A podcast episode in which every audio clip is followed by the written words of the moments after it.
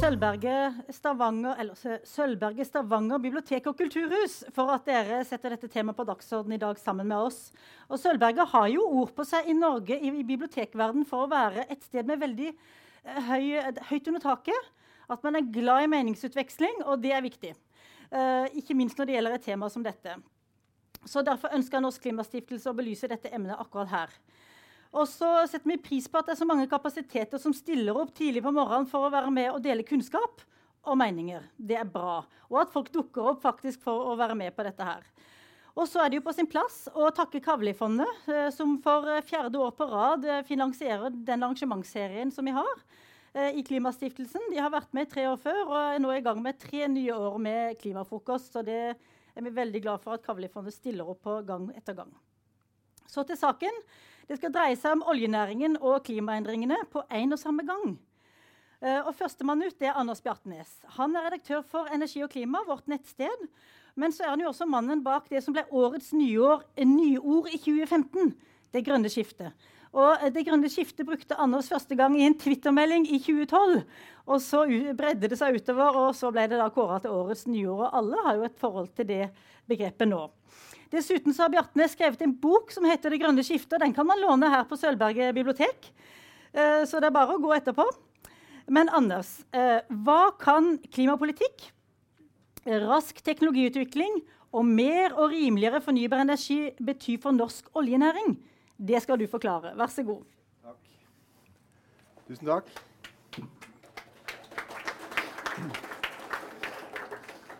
Skal, det er veldig morsomt å være tilbake i Stavanger. Jeg skal forsøke å dra gjennom noen resonnementer her eh, nå på morgenkvisten. Og så skal vi se om vi får til en, litt diskusjon etterpå med Eirik. Så, punkt 1. Klima og olje henger sammen. En verden som lykkes med, med, i kampen mot klimatrusselen, vil bruke vesentlig mindre fossil energi enn en verden som mislykkes. Dette gjelder kull, det gjelder olje og det gjelder for gass. Jeg kan vise det fram på mange måter. Eh, IEA brukes ofte. Et eksempel jeg har tenkt å bare sånn, vise dere kjapt her i dag. Det er tatt med noen Duplo-klosser. Altså, la oss si at dette er 100 millioner fat olje om dagen. Det er ti klosser. I 2040 sier IEA at hvis vi er på vei mot to grader, så har vi tatt bort én, to og tre sånne klosser og har ca. 70 millioner fat om dagen igjen i etterspørsel. Og de tre da kan symbolisere Saudi-Arabia, USA og Russland. Det er det som på en måte bortfaller i en verden der vi er på vei mot to og ikke mot fire grader oppvarming. Sånn at det er noen volumer vi snakker om. Så neste punkt. Lykkes klimapolitikken, så faller verdien på olje og gass og kull. Eh, og da med klimapolitikk så mener jeg alt som alle slags politiske inngrep fra på en måte FN-nivået og ned til bystyrer som vedtar et eller annet som påvirker forbruk av fossil energi. Hvor mye mindre eh, verdt eh, fossil energi blir, og hvor raskt verdiene faller, det vet vi ikke. Men sammenhengen den er ubestridt. Og da reiser jo spørsmålet seg eh, hva, hva, hva, med vår norske olje fra Barentshavet i dette lange perspektivet i et fallende marked? Komme tilbake til det. Neste punkt utslipp fra produksjonen. Det er når oljen brennes at de største utslippene finner sted. Det er altså etterspørselen og forbruket som må ned om CO2-avtrykket skal falle så det monner. Olje og produkter laget av olje må erstattes med produkter som ikke har utslipp, verken når de produseres eller, for, eller forbrukes. Både Statoil og norske oljepolitikere legger veldig vekt på at utslippene fra produksjon er lave i Norge. Og det er fint. Det er ikke noen grunn til å, unne, unne, å liksom underslå at det er bra at det jobbes med, med, med egne utslipp. Men det finnes altså ikke noe system som premierer ren olje framfor mindre ren olje i markedet. Krav om transparens til ulike produkters CO2-avtrykk gjennom hele verdikjeden det er en megatrend. Og Legoklosser er en, en, fin måte å bruke olje på. Det er nesten karbonlagring. De her er 25 år. Eh, Legoklosser varer lenge. Men likevel bruker altså Lego masse ressurser på å eh, utvikle klosser av mer bærekraftige materialer. For sånn å få ned klimaavtrykket. Og det er den riktige logikken. Lavest mulig utslipp gjennom livsløpet. Vi ser dette her veldig tydelig i diskusjonen om biodrivstoff f.eks. Dette kan jo tenkes å omfatte oljesektoren, men det kreves i så fall at du etablerer et system som ligner på det omstridte regime for uh, opprinnelsesgarantier for kraft. Altså slik at all olje og gass som omsettes i et marked, ut, utstyres med en varedeklarasjon som dokumenterer opphav og CO2-avtrykk underveis i produksjonen. Forbrukeren vil da kunne velge mellom russerolje, saudiolje Saudi eller kanskje ren norsk olje fra vakre Lofoten. Sånn at du har et valg ved pumpa der du står ikke sant? og skal fylle på, fylle på bilen din. Du kan vel, gjøre, et, gjøre, et, valg. Det valget kan du ikke gjøre nå. Eh, og, og, og, jeg tror da at det valget folk vil gjøre den, det, hvis du blir eksponert for dette, er å si nei takk. Jeg velger utslippsfritt. Så hva skjer med etterspørselen? Det er, I det store bildet. Det er to krefter som virker i hver sin retning. På den ene siden økonomisk vekst og framgang, befolkningsvekst, flere i middelklassen. Dette tilsier økt etterspørsel eh, etter olje og gass, særlig i Asia. På den andre siden så, vil, så ser vi at liksom klimapolitikk og teknologisk endring driver etterspørselen ned, eller kan trekke etterspørselen ned. Tradisjonelt har det vært oppfatta at dette skillet her, skiftet her da, vil komme først i OECD, USA og Europa. Men kanskje er det sånn at nye teknologien introduseres minst like raskt i Asia som i den gamle verden. Kommer elbilene fortere i Kina enn i Europa og USA? Eh, det, er, det, vil være store gevinster av en sånn overgang til fornybar energi og elektrifisering i transporten. Ikke minst med tanke på mindre forurensning i, i byene. Eh, vi så nå, Det kom noen, noen tall før helga fra Lancet om liksom helsekostnadene knytta til, eh, til, forurensning, som jo er skremmende. Det er ekstremt kostbart og mye lidelse knytta til det. Så ser vi at det skjer en rask endring. Altså, I Tyskland så har elbiler 1% markedsandel. I Hordaland så har elbilen 50% markedsandel av nybilsalget nå. Dette, dette har skjedd på fem år. Det er fra 0 til 50 på fem år. Eh, en sektor som, som vi opplever at, at, det skjer ganske store endringer i raskt, det er bybusser.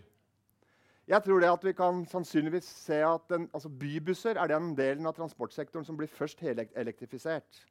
Det har kjempemange fordeler. Hva betyr dette for oljen? Dette vet vi ikke. Det er hastigheten på endringene som vil avgjøre hvordan etterspørselen utvikler seg. Gassen er på mange måter sett på som liksom den, den, snille fossile fetter. Den møter jo konkurranse fra absolutt alle kanter. I kraftproduksjon, i varme. Når britene får rydda bort alt kullet i sin kraftsektor, som er like om hjørnet, så vil hver nye solcelle i England, hver nye vindmølle, bety lavere gassetterspørsel. Utviklingen i det fornybare kan gå, og går i mange tilfeller mye fortere enn den, i den tradisjonelle energisektoren. Det tar kortere tid å bygge ut. I Kina så, så, så installeres det i år, altså i, i, dette kalenderåret, like mye solenergi som Tyskland har bygd siden starten. Da de begynte med dette. Det sier noe om endringshastigheten. Og, det, og, det, og det, det som skjer i det fornybare og nye, det påvirker rammene for det fossile og gamle veldig raskt og veldig uoversiktlig. Oppsummert et, etter, hva som skjer på etterspørselssida, det er altså en stor og økende usikkerhet. Så er det, skal vi snakke litt om, om si, klimarisiko og strategiske valg. Og når vi snakker om klimarisiko knyttet til olje, så handler det om hvordan summen av klimapolitikk og teknologisk endring påvirker rammene. I møte med dette her så, så lister uh, Dieter Helm, som, som, er en sånn britisk uh, energisynser med gode akademiske kredensialer, opp tre alternativer i en bok som han skrev i vinter. Vi kan fortsette som før, altså ignorere klimaet, håpe at alt dette maset går over. Man kan seg, man kan omstille seg gradvis til fornybar energi. Eller man kan høste av eksisterende produksjon, betale ut mest mulig utbytte og styre mot avvikling. Harvest and exit er den siste varianten. Alternativ 1 er ikke gangbart som alternativ i, for et sivilisert land som Norge. Men leser vi, leser vi liksom intervjuet med Søviknes, så er det jo langt på vei der han er. Eh, det er ingen tegn, altså Oljepolitikken skal fortsette i samme spor. Eh, ganske upåvirka av endrede omgivelser. Det er ingen tegn i den norske petroleumspolitikken så langt til at liksom, den store eh, konsensus, Arbeiderpartiet, Høyre, NHO og LO, har latt Parisavtalens mål forme eh, den konkrete politikken. Blant oljeselskapene så, så, er det en del selskaper som fortsatt holder seg til alternativ 1. Det er et skisma mellom, sånn mellom de amerikanske og de europeiske i stor grad. Eh, Total, Shell og Statoil er mer siviliserte enn en Chevron og Exxon er. Og, og for siviliserte oljeselskaper så er det på mange måter en, en kombinasjon da, i alternativ 2 og alternativ 3 som gjelder. Og denne alternativ 3, altså høsting og, og, og styrt avvikling, det kan være en helt ålreit strategi fra et eierståsted. Men det er veldig lite attraktivt for selskapene og selskapets ledelse og ansatte. Da er det egentlig dømt, det er, det er det evig dømt til sparing og nedbemanning og dårligere sluttpakker etter hvert som åra går, og bare utbytte over til eierne. Det er ingen som vil ha det sånn i en virksomhet. Så, så, så det, det, eneste reelle alternativet egentlig, det er altså en omstilling som innebærer at en gradvis går over mot, mot, det fornybare. Og Der er det et stikkord som jeg har tenkt som jeg nevner for dere, og det er en, noe jeg liksom observerer de siste åra veldig sterkt. og Det er en mentalitetsendring som handler om at, eh, at en, en, altså en tradisjonelt tidligere oppfatta olje, kull og gass som ressurser som gradvis ville stige verdi Priskurvene ville peke oppover, etterspørselen oppover. Klima det er ikke noe vi behøver å bry oss så mye om. Typisk eksempel på sånn tenkning det er Ola Borten Moes uh, oljemelding fra noen år tilbake. Uh, intervjuer med Helge Lund fra den samme perioden. Denne måten å tenke på er gått ut på dato. Og det ser vi når Eldar Sætre omstiller Statoil. Og vi ser når Shell for snakker. Altså, Framoverlente oljefolk forstår at de jobber i en solnedgangsindustri, men vil ikke si det høyt. Alternativet er omstilling eller langsom død. Men fortsatt så går altså nesten alle investeringsmidlene til det fossile. Og der tar jeg fram leoklossene mine på nytt. Den gule er, er, det fossile, og det grønne er det fornybare. Og dette er fordelingen Statoil ser for seg av sine investeringsvolumer i 2030. Altså 85, Jeg kunne ha gitt, latt den ene halve her være grønn nå, da, så er det 20% men her, så her er det 15 Det er på en måte målet om hvordan man skal vri investeringene fra noe som nå er nesten ingenting i, de, i denne sammenhengen, til noe som blir 15-20% om, om 13-14 år. Det kan være at en sånn fordeling hadde vært mer riktig. 85-15 den andre veien. Ikke sant? At du gjør en omstilling som forandrer dette bildet, slik at, uh, at den putter mye mer inn i det, inn i det fornybare. Så til slutt så, så, så, litt om de politiske valgene for Norge eh, som vi står oppi. Det kan være altså vi, vi, vi må avrunde Stavanger, si det i Stavanger. Da, Jeg er en stor beundrer av Gunnar Berge av mange grunner. Eh, det er noe samfunnsbyggende over den måten en har liksom tatt tak i hele dette feltet på. Klart å utvikle ting sammen med, med sant, i god fellesskap. Sørga for at penga havner uh, i, fe i, fellesskapet osv. Så, videre. så må vi da klare å avrunde oljealderen med like stor suksess som vi bygde den opp. Og det er jo ikke noe liten oppgave. Det er en kjempeoppgave. Hvordan gjør vi det? Eh, og og Petroleumspolitikken har jo da bygd historisk på forutsetningen om økende etterspørsel, økende priser, forventning om, om framtidig lønnsomhet. Dette er da jeg mener vi nå må stille spørsmålstegn ved om det er riktig lenger. I lys av klimapolitikk og ny teknologi forutsetningene er annerledes enn de var. Så hva betyr det å utvikle en oljepolitikk som samsvarer med Parisavtalens mål? Svaret er jo ikke så lett å gi, men vi må innrette oss på en verden der olje og gass gradvis blir mindre verdt og etterspørselen faller. Så kommer det opp noen spørsmål som vi sikkert kommer nærmere inn på senere. Hvordan maksimerer vi grunnrenta fra eksisterende produksjon? Altså sørge for at mest mulig havner hos fellesskapet av det vi har igjen. Lønnsemd. Eh, sånn oljeskattesystemet er bygd opp, så reinvesterer vi nå statens penger i ny oljeaktivitet. Satt på spissen risikerer vi å kaste gode penger etter dårlige. Hvordan skal vi fordele risikoen mellom selskaper og, og samfunn. Oljeskattesystemet er en nøkkel. Og et ytterligere spørsmål når, når, slutter vi å investere i produksjon med lang tidshorisont? Og jeg tror Tidsaspektet her er viktig. Det er ingen grunn til å tro at vi liksom får noe sånn knekk som gjør at ting blir veldig snudd på huet i løpet av liksom fem år.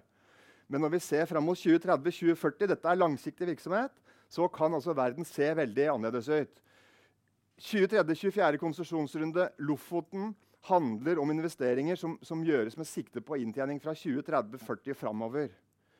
Politikken som vi former nå, vil altså ha konsekvenser i, i veldig lang tid fram. Og da må, dette må vi tenke over som samfunn. Som samfunn, altså Noen av oss har jo mast om dette en stund, men som samfunn har vi, har vi så vidt begynt diskusjonen om hva dette betyr. Kommer ikke unna at, at klima og olje henger sammen. Så da kan vi jo ta legoklossen helt til slutt igjen. da. La oss si at dette her er nå verdens samla utslipp.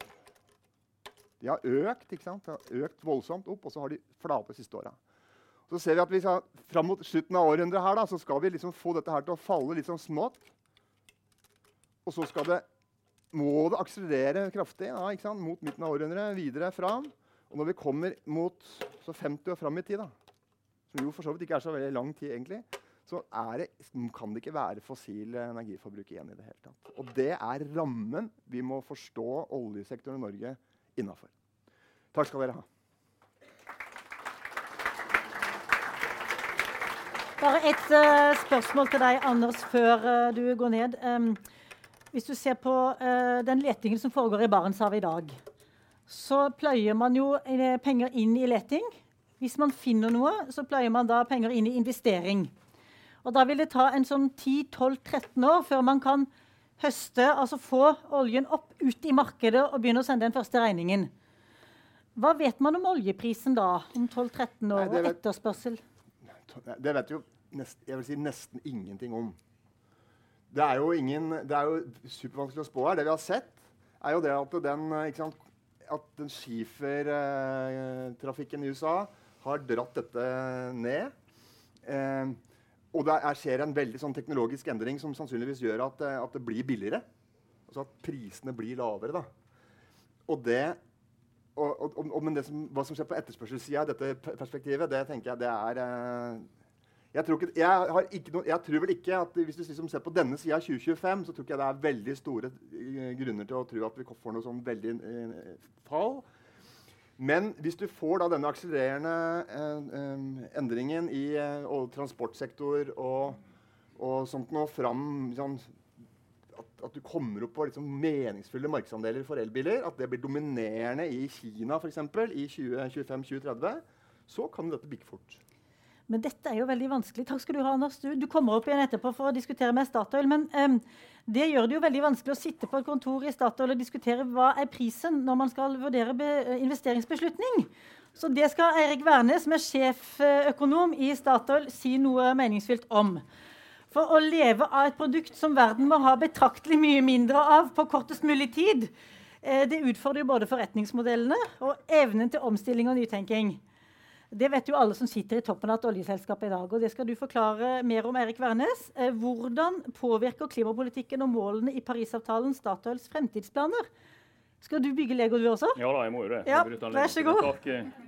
Jo da, nei, det, er ikke noe, det er ikke så enkelt å, å predikere verken etterspørsel etter uh, ny fornybar elektrisitet eller olje eller gass eller priser på disse produktene fremover. Men, men vi kan ikke la være å forsøke. og det, det, er en av de oppgavene som jeg har. det er å forsøke å si noe om hvordan markedsutviklingen for, for, våre produkter og andre energikilder eh, kan utvikle seg fremover. Takk for invitasjonen. Eh, jeg skal forsøke å si litt om, eh, om hvordan vi ser verden, og litt om hvordan vårt syn på verden muligens har påvirket beslutningstakerne i Statoil når det gjelder vår skjerping av strategien, spissingen av vår strategi, som, som vi er midt inne i. Eh, og som, som, ikke er mitt ansvar, men, men jeg registrerer at eh, de, de, trolig hører litt på det vi, vi sier i, i, mitt miljø. Jeg leder markedsanalysemiljøet i Statoil og er, er selskapets sjeføkonom. Eh, vi er i en fase der vi går fra å være et olje- og gasselskap til et bredt energiselskap. vi er i rask omstilling. vi har som visjon at vi skal fortsette å levere energi og karboneffektiv olje og gass. Eh, vi har eh, en ambisjon om en kraftig vekst i, i fornybar energi og nye energiløsninger. Det er ny fornybar energi, som vi sier, primært sol og vind. Og nye energiløsninger fremover. Både når det gjelder hva vi investerer i, og hva vi forsker på. Og det kan hende vi hvis vi lykkes med å finne lønnsomme prosjekter, og det er ikke, det er ikke enkelt, men hvis vi lykkes med å finne lønnsomme prosjekter innen, innen uh, nye energiløsninger, så kan det hende vi skal investere 100 milliarder kroner de neste 13 årene. Det er mye. Det er 20 millioner kroner hver dag. Uh, og det er ikke så mange, om noen, ny fornybar energiselskaper i Skandinavia som snakker om den type aktivitet. Og Det skal vi gjøre da i tillegg til alt det vi skal investere i olje og gass. Uh, det vi er veldig tydelige på, det er at fremtiden er usikker. Vi må, som en, et ansvarlig børsnotert selskap med lønnsomhet som nøkkelindikator, ta høyde for ulike utfall og muligheter. Det er ikke gitt, det er veldig langt fra gitt, at Paris-forpliktelsene blir oppfylt, at togradersmålet, som er noe annet, nås, eller at enda strengere ambisjoner, som også er noe annet, blir realisert. Vi legger i vår tilpasning til grunn en mye strengere global klimapolitikk enn den som faktisk føres. PT. Mye strengere. Og det er grunn til å minne om at Vi også legger til grunn en strengere klimapolitikk enn den som i gjennomsnitt føres i Norge. I landbruksfylket Rogaland så går det jo an å minne om at eh, landbruket betaler ikke CO2-avgift i Norge. Selv om vi skulle ønske en løsning der Parisavtalens mål og ambisjoner ble oppnådd, så er ikke det gitt at det blir sånn. Det er ikke alt vi ønsker oss til jul som vi kan forvente å få. Og Derfor så må vi reflektere over det faktum at verden kan gå helt annerledes. Og Som en del av det så har vi laget, en, laget masse analyser i de siste, de siste årene der vi predikerer den mulige utviklingen i verdens energimarkeder og etter, energietterspørsel og har etablert tre veldig ulike historier og scenarioer om hvor den utviklingen kan gå. Vi kaller dem for rivalry, reform og renewal. Jeg kommer til å snakke mest om renewal, eh, som er et scenario som er konsistent med togradersmålet. Eh, det er det ene som er konsistent med togradersmålet. De andre er ikke. Og Parisavtalens forpliktelser, det landene har sagt de skal gjøre, er veldig langt fra å levere på togradersmålet. Bare så jeg er klar over det. Det må mye mer til. Alle disse scenarioene Alt vi ser, eh, indikerer mye kraftigere vekst i ny fornybar energi enn i andre energikilder. Men kraftigst selvfølgelig i det som leverer på togradersmålet. To av disse scenarioene, det som kalles renewal og det som heter reform, innebærer mye høyere karbonpriser globalt enn det vi har i dag. To av de. I det tredje vil det også være mye høyere karbonpriser for i Europa og Nord-Amerika, men ikke globalt. Renewal-scenarioet, togradersscenarioet, som var det Anders snakket om, er ekstremt krevende. Det er ikke en tur i parken, som engelskmennene sier. Det er definitivt ikke gitt at utviklingen går dit. Det er ikke engang sannsynlig, men det er mulig. Det scenarioet, For å illustrere hva det betyr det betyr at I det scenarioet vårt så har vi altså reduksjon i samlet energietterspørsel fra nå til 2050. Reduksjon. Til tross for at økonom verdensøkonomien er 2,5, mer enn 2,5 gang så stor. Verdens bruttonasjonalprodukt. Vi er 2,5 milliarder flere mennesker som etterspør varer, tjenester og aktiviteter. F.eks. det å fly til Lofoten som turist om sommeren. All, alle typer aktiviteter, varer og tjenester som krever energi. Det skal vi altså klare å levere, skal vi klare å levere på den etterspørselen med mindre tilbud av energi. Vi forutsetter dobling av farten i elektrifisering i dag er det sånn at 20% av verdens energiforbruk er elektrisitet. I den norske debatten så høres det jo ofte ut som om alt er elektrisitet. Det er ikke det. 20% 80% er ikke. Går vi til 2050 i det scenariet, så er 70% ikke elektrisitet og 30 elektrisitet. Og det er en dobling av raten av elektrifisering i forhold til det vi har sett historisk. Vi har 50% global elbilandel i 2030 i nybilsalget i det scenariet. Og vi har 90% av verdens bilflåte elektrisk fra 2040 og utover. I dag er det fremdeles sånn at det selges 60 store SUV-er for hver elbil i USA. Og det selges 25 store SUV-er, og større enn tidligere pga. lavere oljepris, i Kina enn hver enkelt elbil. Heldigvis går endringen fort, men den må gå dramatisk mye fortere. Og Hordaland er et interessant eksempel, men ikke noe mer enn det. 50 eh, av elektrisiteten vil være levert fra sol og vind i 2050. i dette scenariet. 50% av elektrisiteten, ikke kapasiteten, men elektrisiteten. Når du tar høyde for at solen skinner halve døgnet i gjennomsnitt over hele verden, og vinden ikke alltid blåser, så det er en utfordring. Vi har nedgang i oljeetterspørselen fra lufttrafikk og godstransport. Til tross for den enorme økningen som vi kan forvente i den type aktivitet. Det kan hende vi har tre ganger så mange fly som flyr de 9,5 milliarder menneskene i verden i 2050. Og det skal vi klare med lavere oljeforbruk. Vi har 150 dollar, altså 1200-1500 kroner, i global karbonpris. Tror dere det er enkelt å få til når det er mellom 0 og 500 i Norge i dag? Vi bygger eh, tilsvarende et Mongstad-anlegg for karbonfangst og -lagring. 1 million tonn per år. Det bygger vi hver åttende dag fra nå til 2050 for å ta ut det nødvendige karbonet for å komme ned. Dette er ikke en tur i parken. Det er en massiv, radikal omstilling og en mulighet. Definitivt ikke sikkert. Hvis vi kommer dit og er på vei mot togradersmålet, så har vi fall i global oljeetterspørsel. Og da tidligere enn det Anders sier. Hvis vi skal nå dette, så må oljeetterspørselen nå en topp tidlig på 2020-tallet. Akkurat nå så øker han kraftig. Han øker omtrent like kraftig nå hvert år som hele norsk oljeproduksjon. Vi skal ned 35 i 2050 i det scenarioet. Fra ca. 100 millioner fat til 63. 65. Nå skal jeg begynne snart begynne å bruke dette. Gassetterspørselen skal ned 15% Det betyr at det er et massivt behov for investeringer også i ny olje og gass til 2050. Fordi at produksjonen faller mye raskere enn etterspørselen, selv når den faller raskt. Hvis vi stoppet å gjøre noe. 3, 2, 4, 6, 8, 9, 10. Dette er dagens oljeetterspørsel. I det fornybarscenarioet så har uh, Anders rett. Står igjen med ca. 70-65 i 2050. Og det var med alle de enorme utfordringene som jeg snakket om. Hvis vi stoppet å investere i dag, så ville produksjonen falle mye raskere, og vi ville kanskje produsere det. Dette er den oljen og gassen som vi ikke vil levere i 2050, men som vil bli etterspurt i 2050 i et togradersscenario. Det tilsvarer fem ganger Saudi-Arabia. Det er økt oljeutvinning fra eksisterende felt.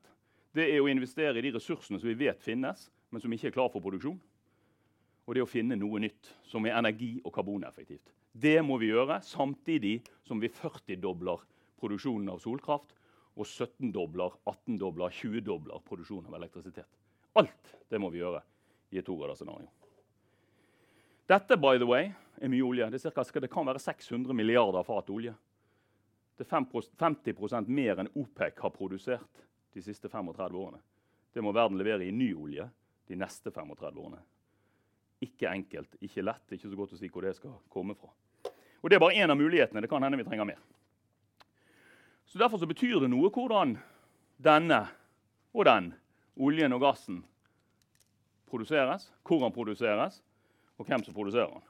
Og Vår strategi strategi er rettet inn mot å være robust for alle disse mulige utfallene, inklusive dette scenarioet. Vi skal utvikle selskapet i tråd med ambisjonene i Parisavtalen og vi skal være en pådriver for endring. Og det er vi. Og så er vi veldig forberedt for masse overraskelser. Vi aner ikke hvordan verden kommer til å se ut i 2050, men vi forsøker å være robust for ulike utfall. Vi er forberedt på endringer i energisystemene. Vi forbereder oss på at det kan være krevende å erstatte denne oljeproduksjonen med å finne nye ressurser. Vi er forberedt på at markedene svinger, og at kostnadsnivået må holdes lavt. Og Det fremstilles som om Barentshavet per definisjon er dyrt. Endringen i olje- og gassindustrien de siste årene har gjort at, uh, at den prisen som, for, som, kreves for å være lønns, at Johan Castberg-feltet skal være lønnsomt, den har gått ned fra ca. 80 til ned mot 30 dollar fatet. Vi er ikke ferdige ennå. Endringen i olje- og gassindustrien på kostnadssiden er sterkere de siste årene enn på kostnadsutviklingen på sol og vind.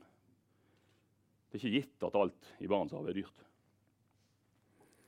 Vi er også forberedt på at lavutslippsomstillingen krever, nei, skaper nye muligheter. Og vi skal fortsette å forme energifremtiden. Det kommer vi til å gjøre ved å videreutvikle norsk sokkel. Vi kommer til å videreutvikle våre eksisterende og utvalgte nye posisjoner i internasjonal olje og gass. Og vi kommer til å skape en svær ny industriell posisjon i nye energiløsninger. Og det er både ny fornybar elektrisitet, men det er også nye lavutslippsløsninger og kombinasjon av fossile brensler med karbonfangst og -lagring. Eksempel. og som en del av det så vi, har vi da også etablert et veldig ambisiøst klimaveikart som en del av vår skjerpete strategi. Vi har en ambisjon om å redusere CO2-utslippene våre med 3 millioner tonn per år fram til 2030. Det tilsvarer at vi i 2030 har tatt ut halvannen million biler av flåten hvert år. Det er da i vår egen produksjon. Vi skal redusere utslippsintensiteten vår, som i dag er nesten halvparten av det globale gjennomsnittet. Ca. 10 kg per fat CO2 slipper vi ut i vår produksjon. Den skal vi redusere med 20% til 8 Og Det har selvfølgelig implikasjoner av den betydningen at vi kommer ikke til å vurdere å gå inn i oljesand. Vi leter ikke etter tungolje. Og vi kommer til å satse veldig på energieffektiv utvinning av olje og gass for å holde CO2-utslippene nede.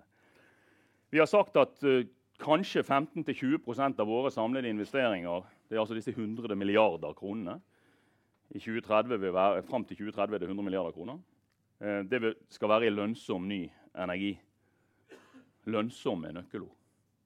Det er ikke så enkelt å finne prosjekter som er lønnsomme. Ingen som vet hva elektrisitetsprisen er når halvparten av verdens elektrisitet produseres med noe som ikke koster noen ting å produsere, nemlig sol og vind. Det skal være lønnsomt. Vi satser, og så er det vanskelig å finne prosjektene. For masse av forskningen vår dreies også mot ny energi. Men de teknologiske utfordringene på olje og gass er kjempesvære. så vi kommer til å fortsette å forske der også. Vi legger til grunn karbonpris og utslipp. Eh, og det tas hensyn til i investeringsbeslutningene våre og i strategi. Vi stresstester porteføljen vår mot klimarisiko, klimaprisrisiko.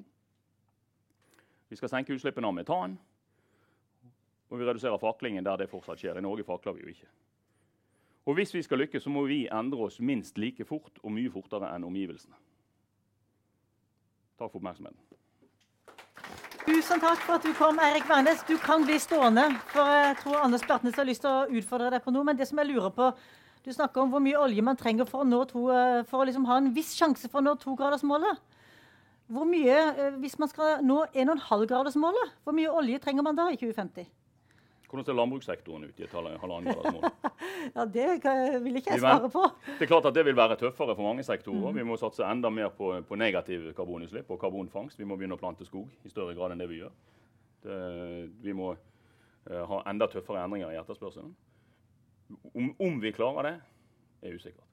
Når vi samtidig skal levere økonomisk vekst. Og så er jo da spørsmålet... Og det, Vi tror ikke det siste er et alternativ å ikke levere økonomisk vekst. Men så er jo spørsmålet også for en forbrukerside så er det jo ikke alltid så interessant om hvor, eh, eh, hvor eh, energien kommer fra. Så hvis man tilbyr mer fornybar energi, så har man større sjanse for å lykke med, lykkes med å nå togradersmålet og få folk over på fornybar energi. Hvis de er villige til å betale for det, ja. og du er i stand til å tilby det på en måte som gjør at du tjener penger på det. Det er ikke et alternativ å tilby noe vi ikke tjener penger på per forventning.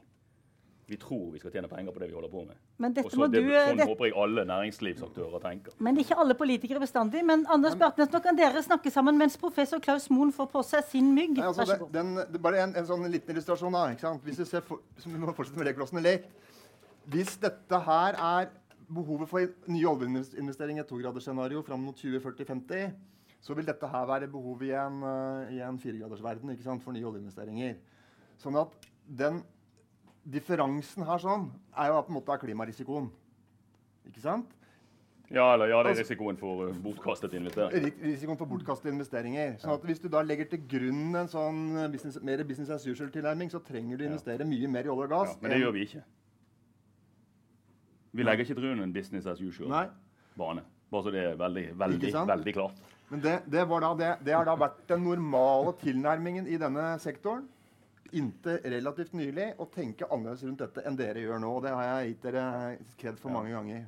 Ja, da, det, det, altså for, for, mange næringer, og kanskje spesielt for, for uh, oljenæringen, så er det jo en strategisk kjempeutfordring det at å gå fra et mindset til tankesett der man har trodd at oljeetterspørselen skal vokse jevnt og trutt.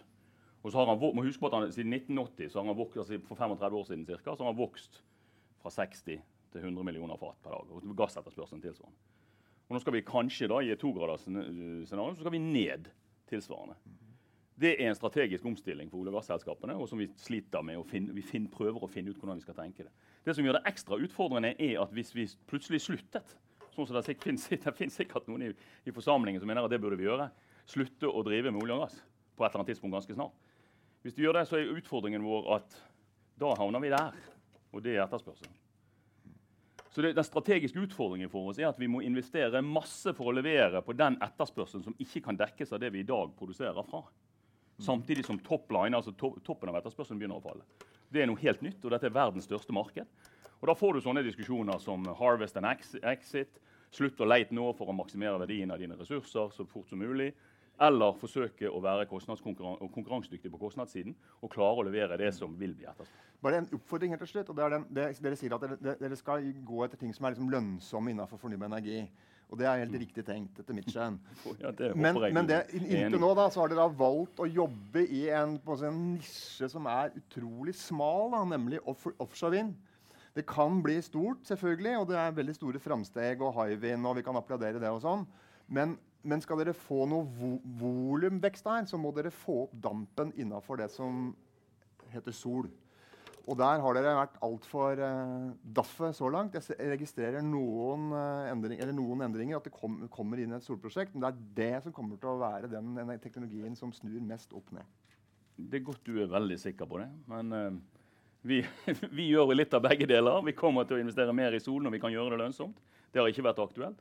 Vi, har, eh, vi tror vi har et konkurransefortrinn i offshore vind. Vi kan veldig mye om å håndtere marine operasjoner. Der er det plass til og en vilje til å bygge de vindmøllene som er store nok. Det er det ikke på land lenger. Eh, vi kommer sikkert, helt sikkert til å ha mye aktivitet i karbonfangst og -lagring fremover hvis vi skal nå togradersmålet. Så vi er nødt til å ha det òg. Og der kommer vi til å delta. På alt. Det kan dere fortsette med en annen gang. Veldig interessant. Tusen takk. Følg oss på Twitter. Vi krangler hver dag. Nei, vi krangler ikke. Professor i petroleumsøkonomi ved Universitetet i Stavanger, eller ved Handelshøyskolen ved Universitetet i Stavanger, Klaus Moen. Du kan komme opp hit. Du har 12 år bak deg som, 12-13 som økonom og dels sjefsøkonom i Statoil. Uh, men nå ser du uh, denne næringen mer med akademiske briller. Og da skal du svare på hvilke strategiske dilemmaer står oljenæringen overfor i møte med målene i Parisavtalen, teknologiutviklingen og utbredelsen av fornybar energi. I tillegg så skal du svare på hvordan vil utviklingen kunne påvirke oljenæringen her i Norge. Vær så god. Det er ikke dårlig. Nesten som muntlig eksamen på tolv minutter. God morgen, alle sammen. Jeg tenkte jeg skulle begynne med å trekke et eh, bakteppe her, rett og slett for å minne dere om hva vi har vært igjennom. Jeg satt på Litteraturhuset i Oslo i går og var sammen med han som ansatte meg i min første jobb i, i Statistisk sentralbyrå tilbake i 1991. Han er nå leder av venelaget for Olav H. Hauge i Hardanger. Og Han kunne minne meg om at i, uh, han hadde notatboka si med seg. Der hadde han notert fra dagboka til Olav H. Hauge i 1971. For Der hadde Olav H. Hauge skrevet om olja, tro det eller ei. Kunne hun ikke ha funnet vært der hun ligger? Fint å ha litt olje på lur om 100 år når jorda er tom. De får kaste seg over olja og selge henne til amerikanerne og la 90% gå i dem. Spreie henne rundt i været og hun ble brent opp av eh, luksusbiler og krigsmaskiner. Du snakker om dårskap. Så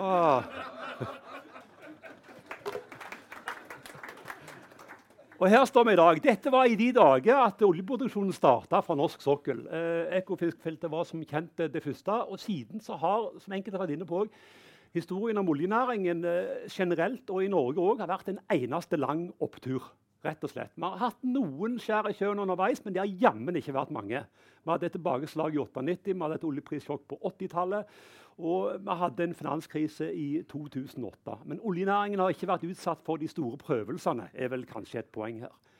I dag har dette snudd ganske betraktelig, og spesielt etter det store omslaget vi hadde i 2013-2014, da OPEC kasta korta og ble lei av å gi fra seg markedsandeler til, lavt, eh, til, til, til kostnadseffektive amerikanske produsenter, og overlot altså til markedet å uh, danne prisene. Da falt oljeprisen som kjent ganske markant.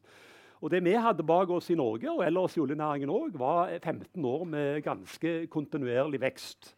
Den veksten hadde eh, skapt forventninger om at uh, ting ville vedvare. Og den usikkerheten som det nå tas høyde for, var kanskje ikke så uttalt i planene for oljeselskapene i den perioden. Så ting pekte oppover. Det gjaldt inntektene, det gjaldt uh, inntjeningen, men det gjaldt òg kostnadene i selskapet.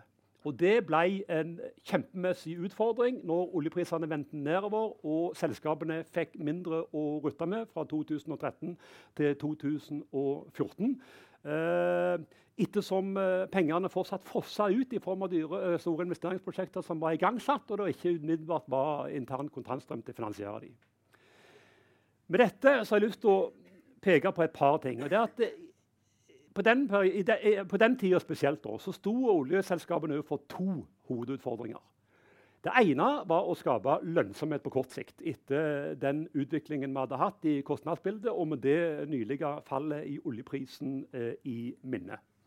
Det har man grepet fatt i i løpet av de to-tre siste, to, siste årene. Med eh, interne eh, kraftige forbedringsprogrammer, eh, rebalanseringer av porteføljer og se på feltutbyggingskonsepter med nye øyne og digitalisering i driften og you name it. Så langt så ser det ut til å ha kasta av seg. Eh, og Man rapporterer nå om at driftskostnadene er kommet ned, og at eh, nullpunktprisene for nye feltutbygginger er kommet ned. Og Den øvelsen som eh, selskapene har vært gjennom, har dermed rusta denne næringen eh, mye bedre for lønnsom aktivitet i årene som kommer. Når det er sagt, så er et par reservasjoner vi må huske her. at den, når oljeselskapene kommuniserer om dette og sier at de har kommet nullpunktprisene har kommet ned til 150 og 27 for gjennomsnittet av Statoils portefølje så, videre, så skal en ta det med en klype salt. For det, Hvis du skal være veldig stygg, så er ikke det annet enn et tall på et papir. Fordi uh, det, det, som teller, det er jo hva disse prosjektene faktisk leverer på når de er ferdige, og når de har, uh, når de har uh, bevist seg. for å si det sånn. Dette er planer og hva planene tilsier, og hva ambisjonene i så måte er, som er reflektert i de feltutbyggingsplanene som, som virker. Og hvis en skal være enda litt styggere, Oljeselskapene har ikke hatt for vane å levere det de lover. Det vi må òg ha i bakhodet. Det er en lang periode der de har lovt ganske kraftig eh, produksjonsvekst uten å ha klart å levere på det. Eksempel. de har levert eh, lønnsomhet, og de har skuffa aksjemarkedet når det gjelder lønnsomhet. Så det må man også ha i bakhodet. Man skal ta det med en klype salt, det som kommer om eh, lønnsomhetsutsikter fra oljenæringen. Men det har skjedd store ting de siste årene som har brakt eh, utgangspunktet et store skritt tror jeg vil si, i rett retning. Det bringer oss til den andre hovedutfordringen, som kanskje har mer med dagens tema å gjøre. og Det er å legge et grunnlag for langsiktig vekst. Og Der er det, som Eirik og andre har vært inne på hittil, Gjennom den perioden og historien om norsk sokkel så har oljenæringen stått overfor en, en, en utvikling der etterspørselen etter produktene deres nærmest kunne tas for gitt. Det har vært nokså lite usikkerhet rundt etterspørselsutsiktene. og det har vært I lange perioder har det også vært sånn at dette reflektertes i prisutsiktene ved at de i hovedtrekk har pekt oppover. Så Det, det som er et uh, betydelig omslag nå de siste årene, det er at en kan ikke lenger på samme måten ta utsiktene for etterspørselen etter olje og gass for gitt. Så det er en helt annen og mye mer grunnleggende usikkerhet rundt utsiktene for etterspørselen etter disse produktene, som oljeselskapene må ta inn over seg.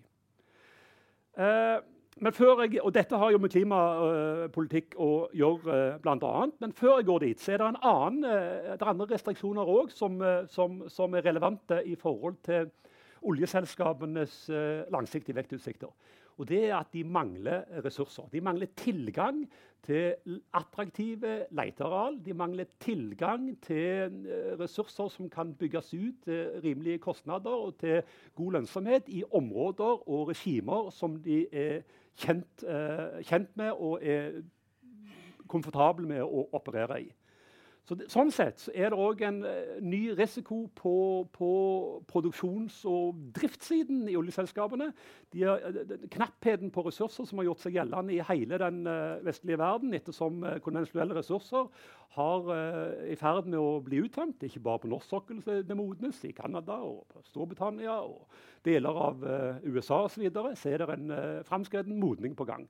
Det gjør at oljeselskapene må ta en andre typer risiko enn det de har tatt tidligere. Det er teknologisk risiko, det er nye typer undergrunnsrisiko, og det er ikke minst også politisk risiko, ettersom en må bevege seg inn i land og regimer som er rike på ressurser, men som ikke er kjent for den stabiliteten som uh, oljeselskapene er vant til fra den vestlige verden. Så her ligger det òg restriksjoner på det som er vekstpotensialet for olje- og gassnæringen. Så til etterspørselssiden.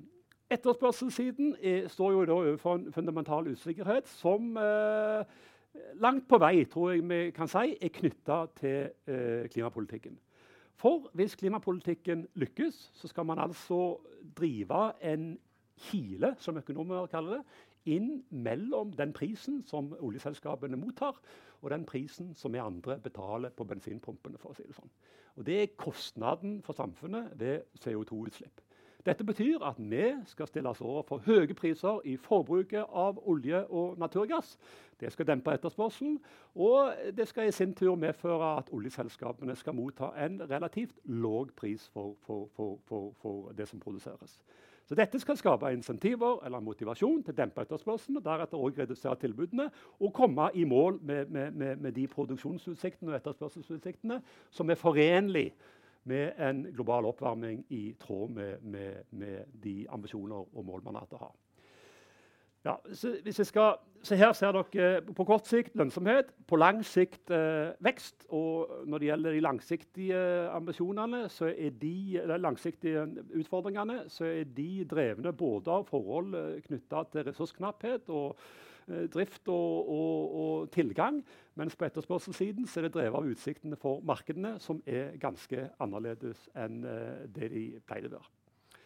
Uh, jeg tror jeg skal runde av der, jeg, så, kort, så greit. Ja. ja. ja. bare ett spørsmål til deg, Klaus Moen, som for så vidt ikke akkurat går på det økonomiske. Men det kom en, en um, rapport fra DNV GL uh, nylig som viste oss at vi, når verden elektrifiseres mer og mer, så trenger man også litt mindre energi. Fordi at eh, elektrisiteten er mer effektiv når den kommer fra fornybart, enn når den kommer fra kull og olje og gass. At man trenger litt mindre. Ja, har du vært borti noe av dette? her? Og ja, har du sett på det i et økonomisk nei, perspektiv? Nei, dette er ikke noe jeg regner på i detalj overhodet. Men hadde ikke det vært interessant, egentlig?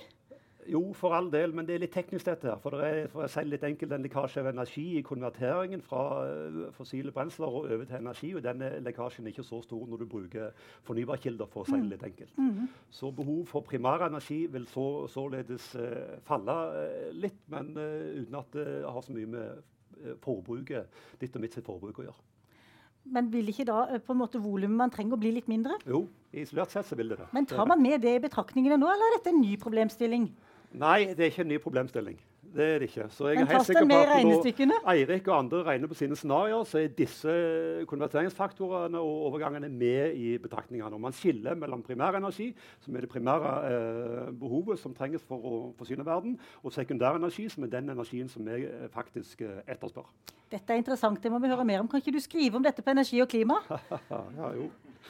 Tusen takk skal du ha. Du er også forresten, før du går, du er også i krangel eller i diskusjon med Eirik Wærnes og med Anders Bjartnes og flere her på Twitter hver dag. Så de av dere som ikke er på Twitter og som har lyst til å følge med på denne diskusjonen, eh, meld dere på der. Der kommer det også ofte veldig eh, gode forslag til artikler man kan lese og sette seg mer inn i problemstillingen vi er inne på nå. Alle dere tre er med på å legge ut mye bra. Uvenner i alle leirer. Ja, men det er jo helt uh, uenighet Få fram en god diskusjon. Tusen takk, Klaus Moen. Takk skal du ha. Da eh, skal vi over på neste tema. Eh, det er forfatter og kommunikasjonsrådgiver Anne Karin Sæther som skal opp på podiet nå. Eh, hun ga ut boka 'De beste intensjoner oljelandet i klimakamp' før i vår. Og Da fikk du en hel rekke anmeldelser, og veldig mange gode. Og Aftenbladet her fra Stavangers eh, tidligere sjefredaktør Tom Hetland han skrev bl.a. følgende. Ikke minst venner av oljeindustrien gjør klokt i å ta på alvor Anne Karin Sæthers velfunderte varsku. Og Anmelderen i Vårt Land kalte Seters analyse av oljebransjens og Statoils kommunikasjonsstrategier for briljante. Bransjebladet Bok 365 ga Seter en sekser og skrev bl.a. følgende. Man kan ikke annet enn å beundre det nitidige og møysommelige arbeidet forfatteren har pløyd ned mellom permene.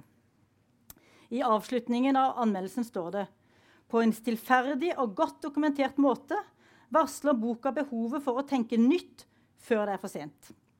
Anne Karin Sæther skal nå gå gjennom deler av den informasjonsstrategien oljenæringen har holdt seg med de siste årene. Og da er spørsmålet vil oljenæringens kronargumenter stå seg i møte med en tøffere opinion, eh, klimapolitikken og klimaendringene. Vær så god. Takk skal du ha. Setter du i gang eh, powerpoint? Ja, det skal Lars Henrik gjøre for deg. Kanskje jeg også kan få ja, den her? Klikker den? Ja. Hallo. Tusen takk for uh, invitasjonen. Fint å se uh, både kjente og ukjente i salen. Og tusen takk til Klimastiftelsen for at dere lager møteplasser sånn som det her. Jeg skal da snakke om uh, tre argumenter som mange, ikke alle, men mange oljefolk bruker i klimadebatten for å skape støtte til behovet for en fortsatt satsing på olje og gass og høy aktivitet på sokkelen. Og um, det første av de tre argumentene jeg skal gå gjennom nå, det er um, Hvor skal jeg klikke? Hva sa du? Her sånn? Ja. Det første det er klimavennlig olje. Det har bl.a. blitt formulert sånn Her ser vi Nikolai Astrup fra Høyre. Han sier vi har en veldig klimavennlig oljeproduksjon sammenlignet med veldig mange andre land. For en del år siden var det mange politikere som sa vi hadde verdens mest klimavennlige oljeproduksjon. Nå har man moderert seg litt og sier at vi har relativt klimavennlig produksjon sammenligna med veldig mange andre. Eldar Sætre har sagt det er bra for klimaet å bygge ut Lofoten.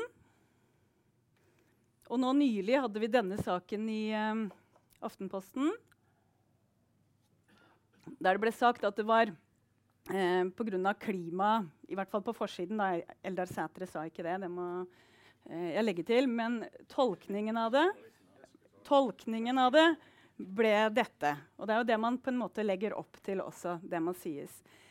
Tanken er jo selvfølgelig at uh, utslippene under produksjon i Norge er uh, litt mindre enn i veldig mange andre deler av verden. Og hvis man kan bruke norsk olje i stedet for olje fra andre steder, så vil det bety litt mindre utslipp. Og mindre utslipp det er bra for klimaet, ergo blir det klimavennlig. Men kan vi si at olje er klimavennlig? For de av dere som måtte ha lest uh, George Orwell sin bok 1984, så kjenner dere til begrepet nytale. I uh, Oceania, som uh, eh, 1984 handler om, så er det et, en språkføring som bare inneholder positivt ladde ord. Og grunnen til at man fører et sånt språk, er at man ønsker å påvirke virkelighetsoppfatningen til de som bor i landet. Så i Oceania så har man da et uh, kjærlighetsministeri som terroriserer befolkningen, og et sannhetsministeri som hele tiden endrer på hva som er sant, og hva som er historien. Så um, jeg mener det er nytale, og no, fordi noe som skader klimaet, det kan ikke være positivt for klimaet. Ganske enkelt. Og så er det et poeng som Anders var inne på tidligere, at det er jo eh, under bruk de virkelig store utslippene fra fossil energi kommer. Det er bare noen få prosent som kommer under produksjonen. Så når du kjører bilen din på motorveien, og det er en fossilbil, så har det ikke så veldig mye å si om bensinen stammer fra eh, Nigeria, Angola, Norge eller Venezuela. Det er jo også et poeng her at det er mange produsenter som er eh, renere eller mindre skitne enn eh, Norge. Det finnes bl.a. to store felt i Saudi-Arabia som sies å produsere med betydelig mindre utslipp enn eh, en de norske.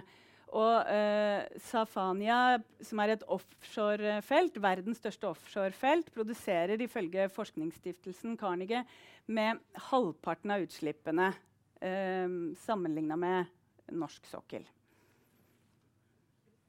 Hm? Ja. Og samtidig som det er mange der ute som eh, kan produsere med mindre utslipp under produksjon enn oss, så er det også en del felt her hjemme som er veldig skitne. Det er jo derfor man snakker om gjennomsnittet helst. Glitne og andre eh, relativt små felt i eh, slutten av sin levetid produserer veldig ofte med veldig store utslipp. Og um, så har jo også Statoil uh, felt i utlandet som uh, produserer med store utslipp, bl.a. pga. fakling. Um, og argumentet om at oljen er uh, klimavennlig, det hviler på et par forutsetninger om at vi erstattes av annen olje hvis vi trekker vekk noe av vår olje, og at den oljen er skitnere enn vår. Nå er det ganske lav oljepris og bra tilbud, men det er ingen garanti for at det alltid vil være sånn at oljen vår vil bli erstattet av annen olje.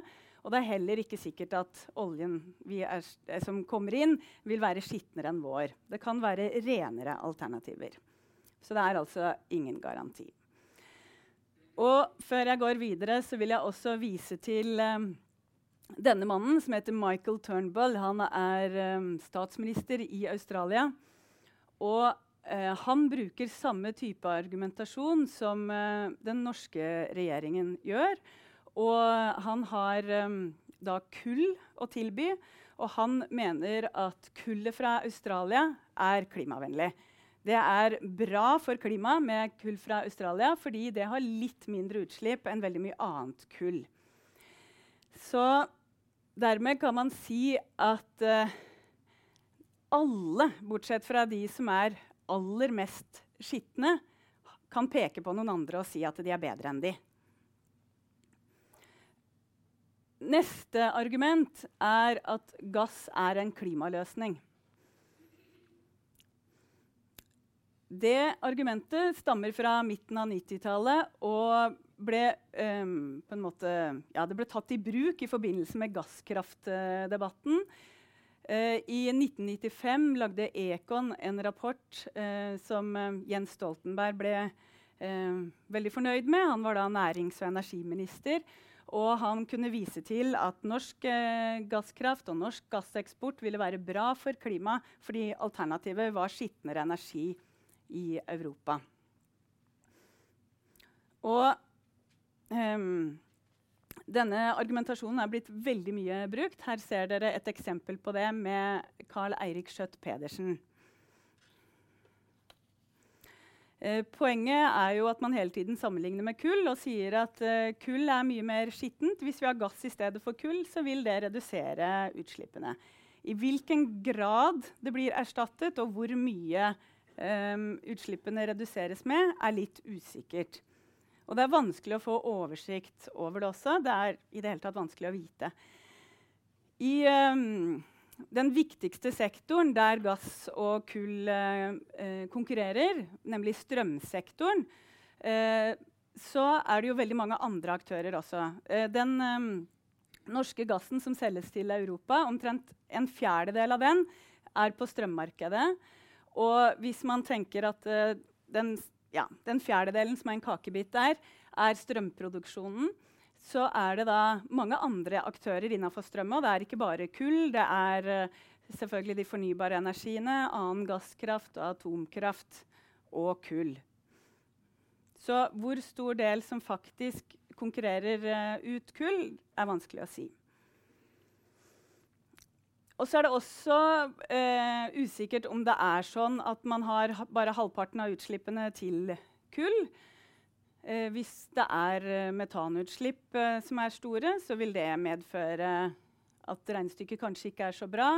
Eh, LNG krever eh, mye mer energi, så da blir også utslippene høyere.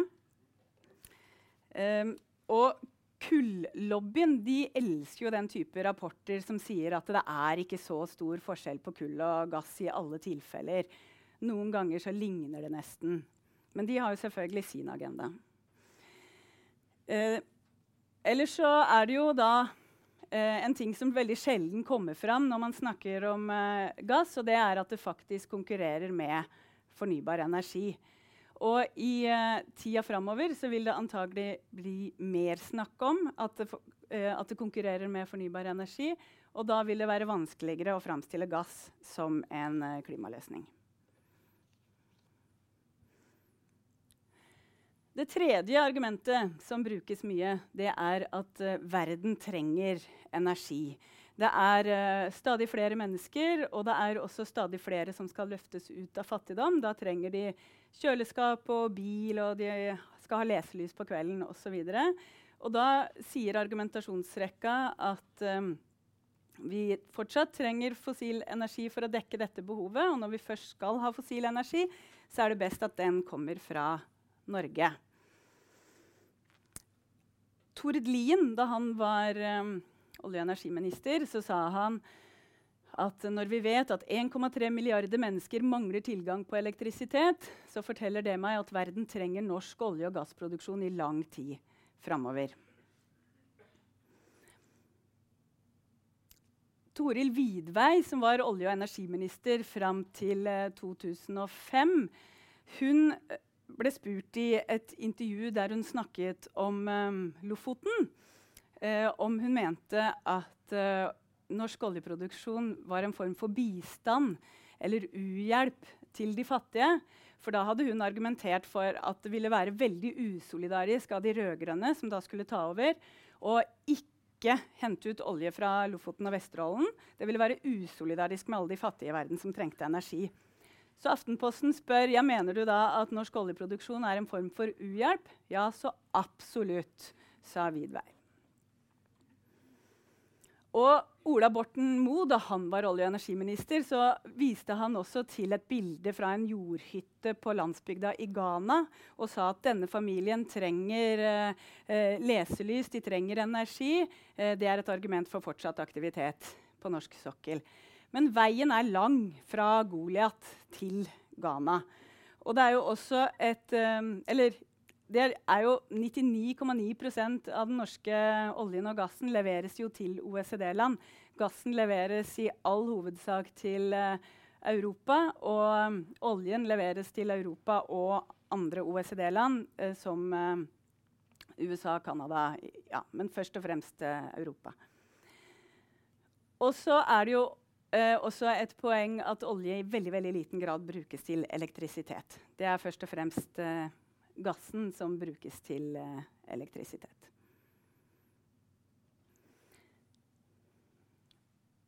Og nå framover så ser vi at solenergi vokser, og vokser veldig mye mer enn det IEA har forutsatt. Så når de da nylig kom med en rapport som Energi og Klima skrev om, der de antar at 60% var det vel, de neste 15 årene uh, av ny eh, elektrisitet vil være fornybar energi, så kan det være at de undervurderer det. Eh, Ray Kurzweil, som er eh, Googles framtidsforsker, som forutså veksten i internettbrukere, han mener at vi vil se en eksponentiell vekst i solenergi med en dobling ca. annethvert år. Sånn at i 2015 så kan uh, solenergi dekke behovet. Og nå ser vi at uh, solenergi er konkurransedyktig med fossil energi på pris veldig mange steder i verden. Og hvis du da bor på landsbygda et sted og aldri har hatt energi tidligere, hva velger du da? Velger du det fossile, eller velger du det fornybare? Så summa summarum det er uh, først og fremst penga det handler om. Det er det beste argumentet til oljeindustrien. Og jeg tror at uh, man kanskje kunne vært uh, litt mer edruelig og sagt at det er pga. penga vi er i uh, olje og gass. Det er ikke for å hjelpe klimaet. Yes. Der forsvant Anne. Mm. Men det hadde vært befriende da, om man ikke argumenterte med klima på samme måte som man gjorde nå, men bare sa det som det var, rett og slett. Tusen takk skal du ha. Er det noen som har spørsmål til Anne Karin? Først applaus, og så et spørsmål eller to. Hvis noen har et spørsmål, så kan de ta det nå, eller så kan de ta det etterpå. Der er en der nede. Vær så god.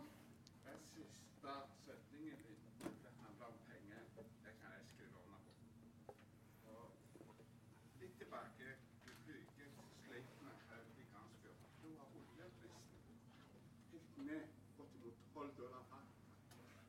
Skattemotor for dette er en studie for å vise hvor langt olje kan gå for at utslippene skal kunne pay off. Fant jeg ut at vi tåler 56 dollar fatet. I dag er vi over 40 nesten i snitt. Og så snakker vi fremdeles om penger. Jeg syns det klimaaktørene bør sitte sammen og diskutere dette her i fellesskap. Ikke penger fra hverandre. BT sier sin tid at alt som sikkerhet, skal være åpent mellom selskapene. Hvorfor kan ikke vi gjøre samme når det gjelder klima? Tusen takk skal du ha. Da er det nestemann. Og takk til deg, Anne Karen. Vil du kommentere dette, eller vil du eh, Ja, det kan eventuelt andre Ja, det er gjøre fint. etter hvert. Supert. Takk skal du ha. Og boka til Anne Karin den kan også lånes her på Sølvberget bibliotek. Eh, hvis ikke så er det helt sikkert en bokhandel i nærheten som eh, kan ordne det. Anbefales. Eh, hvordan er oljenæringen i Norge rusta til å møte den nye situasjonen? Det er tema som eh, også Bjørn Vidar Lerøen skal eh, få lov til å snakke om. Vær så god. Han eh, påstår at han er blitt en form for pensjonist, for han har nå slutta i norsk olje og gass etter noen år. Og nærmere 50 år har du fulgt den norske oljenæringen. Delvis fra innsiden, da du var i Statoil. Hvor lenge var du der? 17 år. 17 år. Eh, og så var du også i norsk olje og gass en stund. Og så har du vært eh, kritisk journalist. Jeg er fortsatt kritisk. Ja, det er godt. Det er veldig, veldig bra. Og nå driver du ditt eget firma som du kaller Lerøen Media. Ja. Eh, og hadde altså din siste arbeidsdag for Norsk olje og gass en gang på forsommeren. Og fra å være i en situasjon der prisene stadig gikk opp, der etterspørselen gikk opp, så har jo oljenæringen nå kommet i en annen situasjon der det stilles spørsmål både med produktet og også på en måte at det finnes flere alternativer som etter hvert blir konkurransedyktige. Og klimaspørsmålet var jo kanskje før mer et tema for Natur og Ungdom og SVs landsmøter, men det er jo kommet overalt nå. Hvordan tenker du at oljenæringen i Norge er rusta til å møte dette her, den nye situasjonen? Henger de igjen i gammel tankegang, eller er de klar?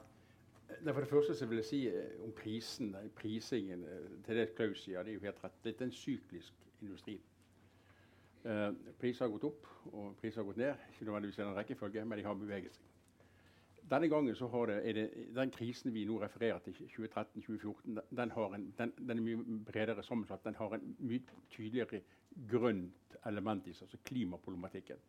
Men den er mye mer strukturell, og den kommer til føre til radikale endringer for selskapene.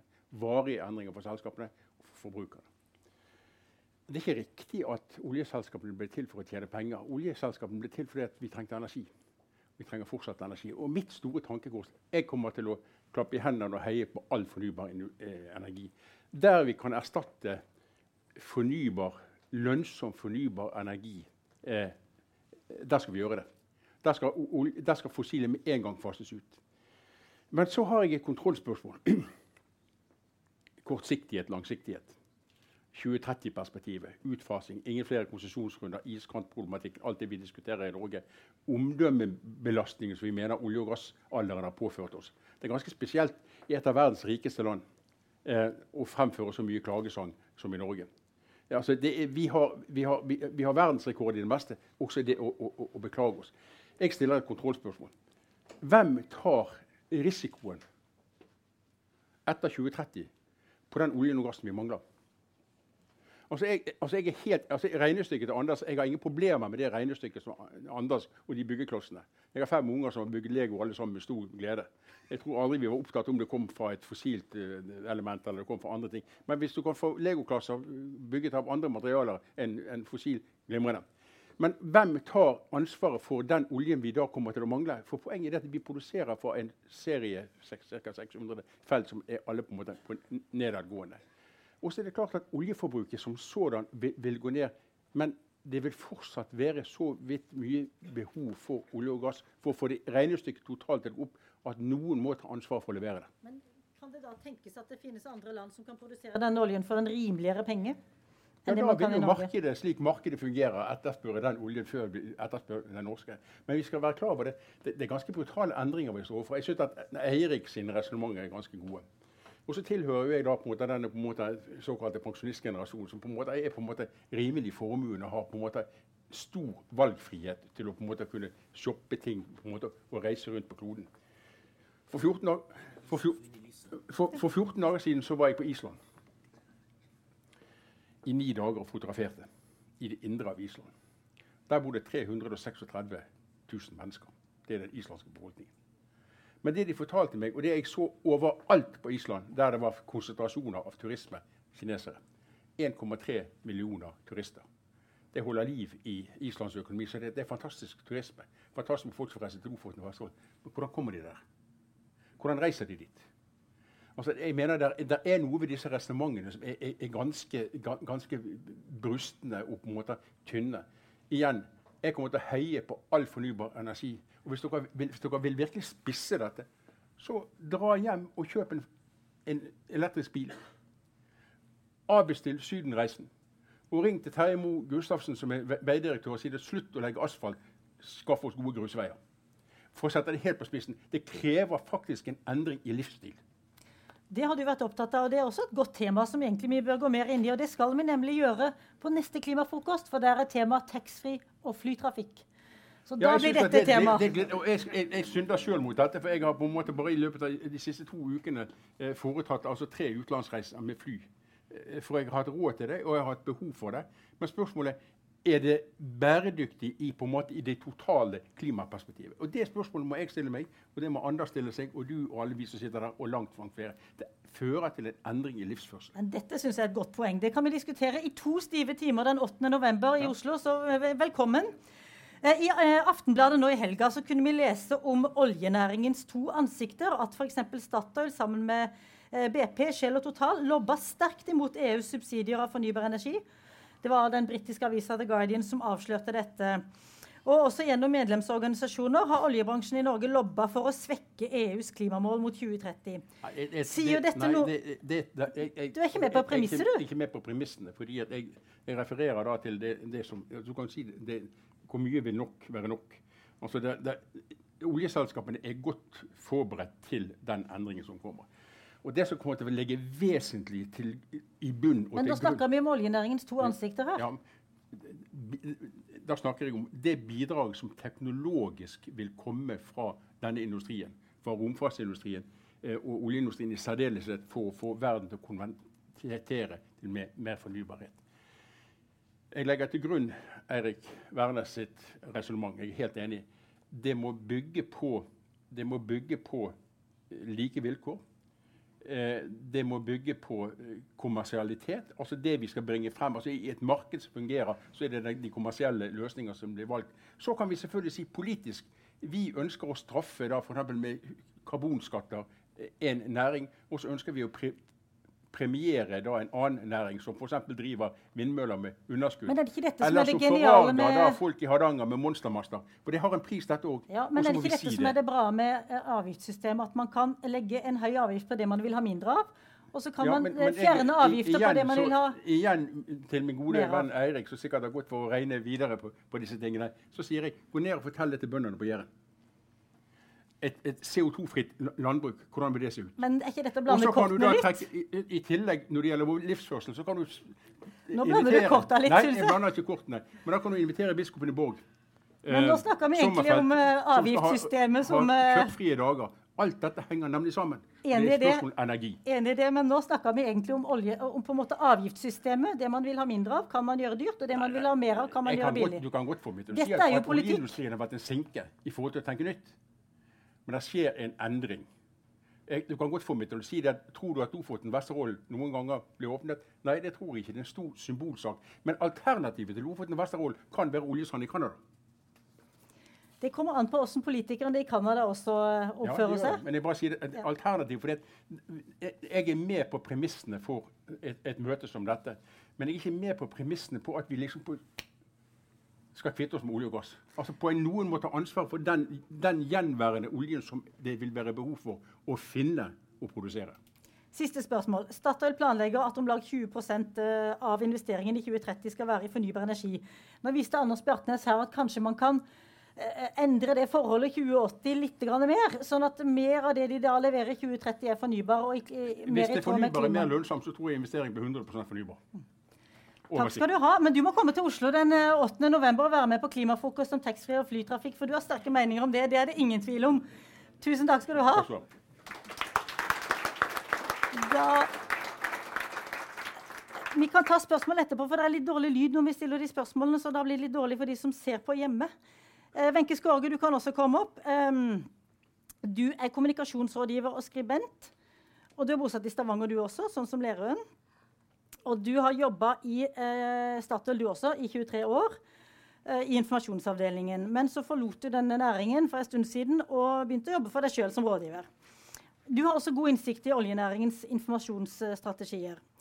Og så deltar du i det offentlige ordskiftet og terger på deg folk av og til. har jeg lagt merke til. Og Sist var det da direktøren i Norsk olje og gass, Karl Erik Schjøtt Pedersen, som eh, sa at uh, du hadde tjent til livets opphold ved å jobbe i oljenæringen. Og da syntes han at det var rart at du kunne kritisere ditt tidligere virke. Hvordan oppleves det å være pådriver for uh, en mer omfattende og raskere energiomstilling når man bor i Stavanger og har din bakgrunn? Jo, eh, det er interessant. Eh, man blir jo sett på litt som eh, desertør. Eh, og jeg syns det er veldig synd, for grunnen til at jeg deltar i dette årsskiftet, er nettopp fordi jeg har tro på oljebransjen, og fordi at jeg har vært med så lenge at jeg har sett både hva oljebransjen er god for, og jeg har fulgt med i klimaproblematikken siden den.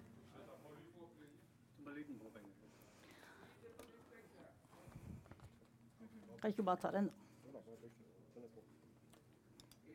Jeg, jeg har vært med og sett på utviklingen i klimaproblematikken siden den si, si, Siden den Nå er det i orden. Nå var det Nå er det i orden, ja.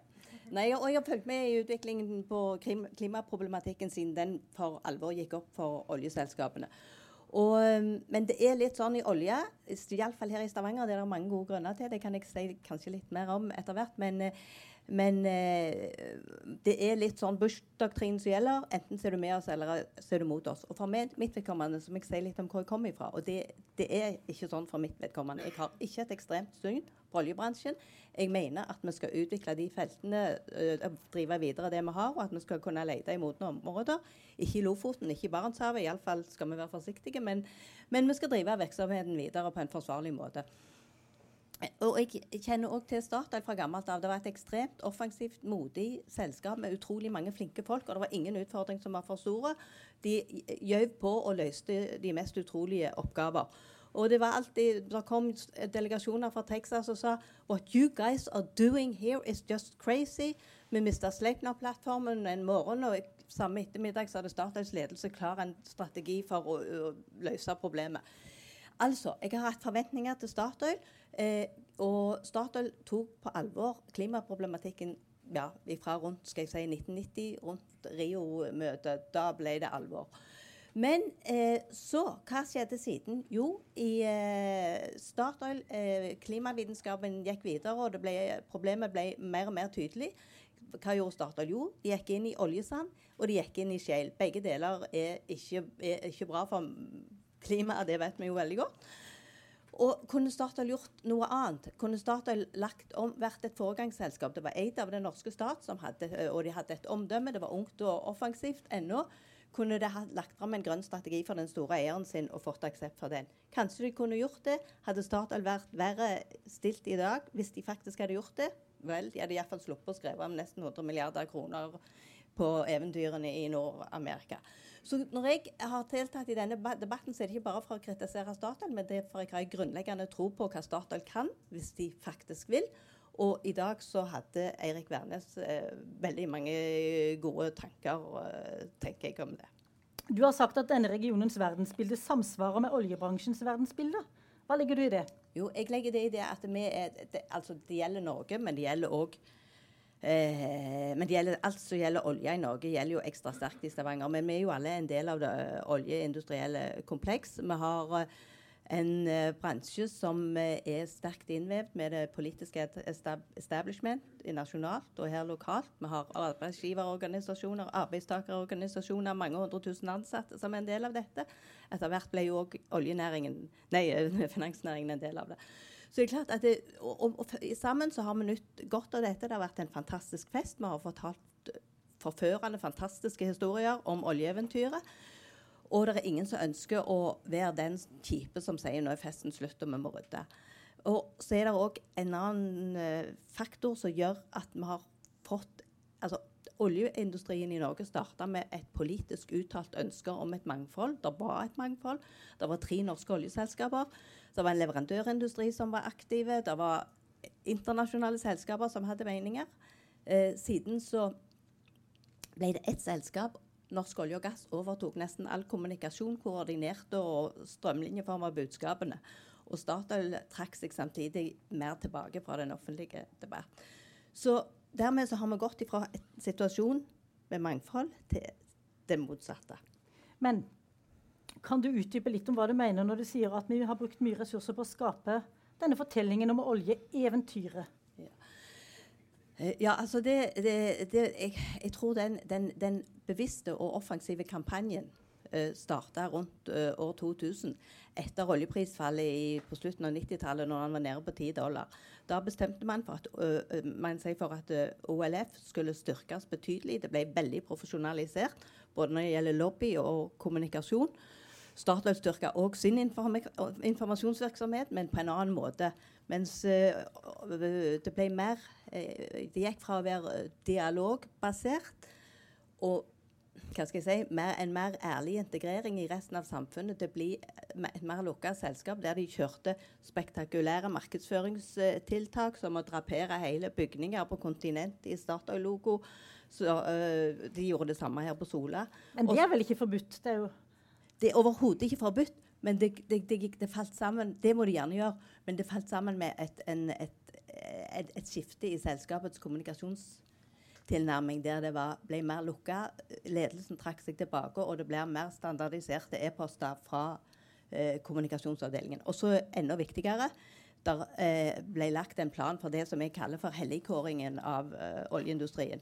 Fra før av så var det en industri blant mange i Norge. Lønnsom og viktig, ja, men en blant mange.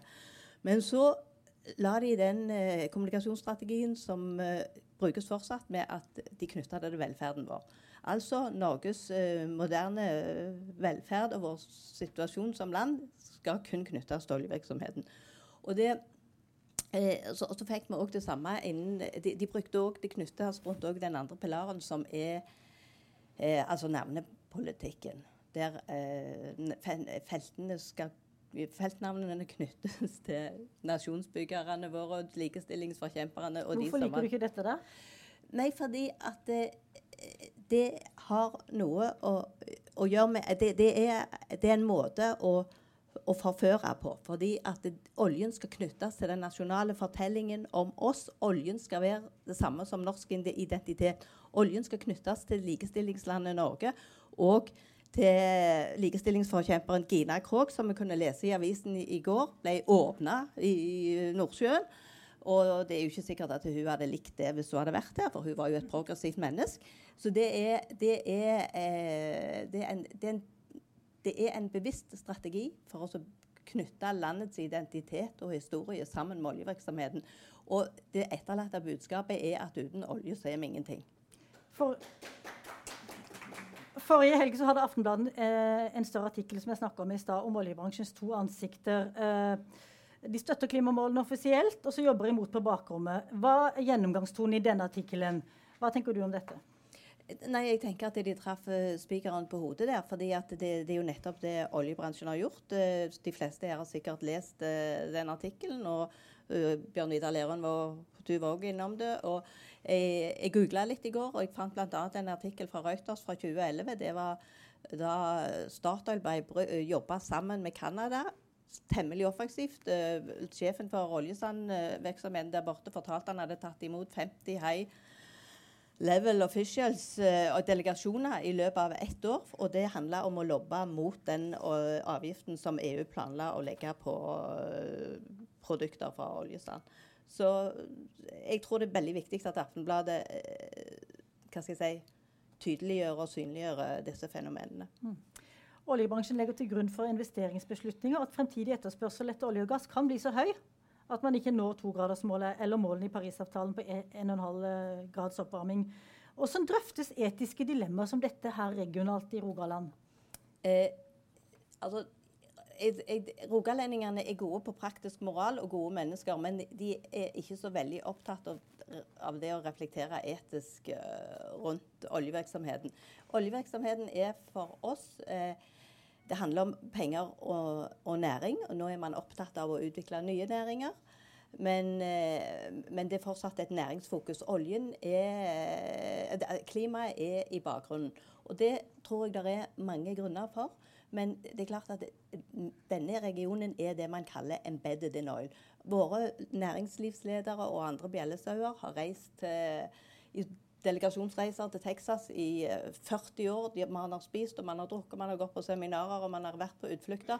Ingenting, ingenting av dette er ulovlig? Ingenting ulovlig. Det er ingenting galt i det. Og jeg tror ikke at noen, jeg påstår ikke at noen er korrupte, men jeg bare påstår at det, det har påvirka våre virkelighetsbilder og vår tankegang. Det har vært oljeindustriens hensikt, og der har de oppnådd sin hensikt. Og jeg kan personlig si jeg har mange eh, anekdoter om briljante akademikere, klimaforkjempere, ihuga venstrefolk som har kommet hjem fra USA og, og skifta syn på oljebransjen. Men nå tror jeg det er mange som har lyst til å kommentere her. Så det er mange som sitter på første rad og tenker at du, de har lyst til å si noe her. så hvis noen vil ha to-tre-fire minutter igjen, hvis noen har spørsmål, hvis noen har en kommentar, så åpner vi for det. Men da må folk komme frem, sånn at man kan ta mikrofonen og bli hørt. Så Wenche Skorge, da tror jeg vi var ferdig med deg. Takk skal du ha. Er det noen som har et spørsmål? En kommentar? og Det kan også være en meningsytring. Man er et bibliotek. Her er det veldig høyt under taket. Hvis noen har et eller annet de har lyst til å komme før vi sier takk for oss, så må de rekke opp hånda nå. Uh, da er det én, men da, du må komme frem og si hva du heter, og så må du uh, gjøre det kort. Så jeg tror jeg holder mikrofonen sånn at, sånn at ikke du tar den. Hva er det du heter? Jeg heter Støre Nordgård. Hvor kommer du, hvor kommer du fra? Vesterålen. Hva var ditt uh, budskap? Ja, Det er to spørsmål. Det ene er det at hvordan går det an at det er 40 000 ansatte som er oppsagt i oljenæringa uten at produksjonen har gått ned? Og det andre er at uh, I 2025 så antallet siste lønnsomt produserte olja er. Så Norge etter olja kan det være hydrogen? Er det noen som har lyst til å svare på dette, eller skal vi la den henge i lufta og utfordre de som kan noe om dette, til å skrive mer om dette på energi og klima? Der trenger vi debatter rundt dette her. Er det flere som har innspill, forslag til hva man kan jobbe mer med fremover, og spørsmål? Vær så god. Har vi ett eller to minutter igjen? Hei. Det er Tuastad som er litt opptatt i universitetspolitikken. Det som jeg lurer på, er hvem er det som kommer til å finne de nye svarene? Og litt hva er vår rollen? Og, og enkelt, altså, Er det politisk satsing? Er det vi på universitetene som liksom må ha den rollen, eller er det egentlig veldig naivt? Er det eh, aktør, markedsaktørene sjøl som egentlig er de som faktisk utvikler utvikler nye kunnskapen. Altså, er det nå en sånn risiko for at politikerne tror at vi skal finne det opp på universitetene, eller er det liksom egentlig selskapene sjøl? Anders Bjartnes kan svare på det, men først så kommer Frode. Berge. Det var lenge siden. Veldig, veldig hyggelig. Ja. Hva skal du snakke om? Du, veldig kort og passer bra for det til Anders Bjartnes, det òg. Eh, Frode Berge. Eh, her med næringsforening i Stavanger-regionen hatten på. Eh, Anders, bare kort. Eh, du starta med å si at det var hyggelig å være tilbake i Stavanger. Hyggelig å ha deg tilbake på besøk. Eh, en av de siste gangene du var her, så var du på besøk hos oss, og vi diskuterte eh, Fornybar AS og, og, ting rundt det, òg, lokalisering. Så har det skjedd en del ting siden sist. Eh, og regjeringa har nå kommet på en måte med sitt opplegg for oppfølging i forslaget til statsbudsjett for neste år. Så da vil jeg bare et kort, relativt vil jeg innrømme, jeg må medgi, relativt retorisk spørsmål. Hvor imponert er du av regjeringas oppfølging av Fornybar AS, sånn som det kommer til uttrykk i forslaget til statsbudsjett for 2018? Takk. Takk skal du ha. Da kan Anders uh, avrunde. Ja. Takk, Frode. Jeg, jeg tror at det, det vi har sett der, er vel et eksempel på at at en sånn type forslag som kommer opp, og som man kan, man kan ha store politiske ambisjoner eh, rundt, da, for, som, for, som, det å etablere Fornybar AS som en svær aktør, når det blir kverna gjennom Finansdepartementets uh, hva skal si, eh, kritiske, uh, uh, kritiske blikk, så dempes det mest mulig. Slik at en kan da ha, ha, ha liksom, eh, Kanskje liksom, bruke det politisk eh, i argumentasjon, men i realiteten så er det ikke rare greiene igjen av det. Sånn som jeg oppfatter det. Det er kanskje ikke så overraskende heller, når du ser som, kan litt om hvordan norsk politikk fungerer. Det, det Svein Tuastad er opptatt av, er kjempeinteressant. Det er jo samspillet her tror jeg, mellom på en måte både altså politikk på det store nivået, altså fra liksom Paris eh, og hele veien ned til bystyrer, eh, akademia og, og, og business, næringsliv, som, som driver dette fram. Og det jeg kanskje har mest tro på alt, det er at veldig mange av de som du, du ser da, gjør seg bemerka i denne sektoren her internasjonalt, er jo folk som har si, snudd opp ned på noen industrier før. De er på vår alder. De har ødelagt eh, telekomindustrien. De har ødelagt medieindustrien, og de tar gjerne én til før de tar AFP. altså Elon Musk-type personer da, som, som kombinerer liksom det fornybare med det digitale. Og, og, og kan, eh, kan tilte veldig mye eh, ved hjelp av, kombinasjonen mellom fornybar energi og digital teknologi på en eller annen måte. Men det er dette samspillet, eh, tror jeg. Det er liksom politiske mål, eh, ambisjoner.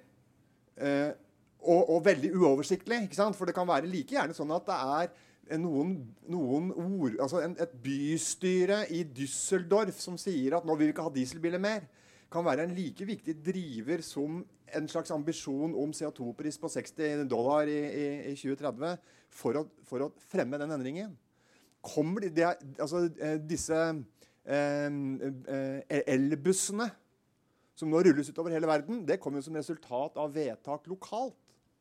Ikke, ikke, ikke på, på en sånn Paris-nivå. Ett minutt igjen. Da er det Erik Wærnes. Jeg syns han må få egentlig svare, for han har også fått en del sånn pirk underveis her. Så hvis du klarer det på ett minutt, vær så god. Ja, jeg har bare lyst på en kommentar her. Hvis vi skal gi Elon Musk skryt for fornybar energi, så må vi huske på at han stort sett holder på med batterier. Det er ikke så veldig fornybart. Den elektrisiteten som vi bruker til batteriene, får vi håpe blir fornybar så fort som mulig. Sånn er det ikke i dag. Eh, når kineserne setter en elbil på veien, så fyres den med 85% kull foreløpig. Heldigvis skjer den endringen fort også der. Men det er ikke spesielt fornybart akkurat i dag. Så på, sånn sett så får vi håpe at utviklingen fortsetter sånn som det kanskje kan se ut, nemlig at vi dekarboniserer kraftsektoren før vi elektrifiserer bilparken. Og det energiforbruket som Elon Musk legger opp til, er ikke bærekraftig hvis vi alle skulle gjøre det samme. Tenk på energiforbruket med å flytte folk til Mars. Men så er det vel også sånn at man må igjennom en sånn periode før man blir eh, fornybar. Takk skal du ha. Eh, da eh, takker jeg for alle som kom. Eh, så er det sånn at Energi og klima, som er vårt nettsted, vi har eh, en gang i uka et eh, nyhetsbrev som sendes ut klokka sju om morgenen hver fredag. Det kan dere abonnere gratis på hvis dere går inn på energi- og klima.no. Mange her sitter nå og har fått nytt påfyll, og noen er provoserte. Noen har kunnskap de tenker at de burde ha delt. Eh, ta kontakt med oss hvis det er noe dere tenker at dere vil eh, få frem. Eh, og, og, hva sa du? Ja. I morgen kommer Klimastiftelsen sammen med WWF med en ny rapport som ser på statens risiko i forbindelse med oljeskatteregimet. Så det kan være en liten oppfølger på bakgrunn av denne debatten her i dag. Hjertelig takk til Kavlifondet som støtter oss, og takk til Sølvberget som huser oss i dag i samarbeid. Vel hjem.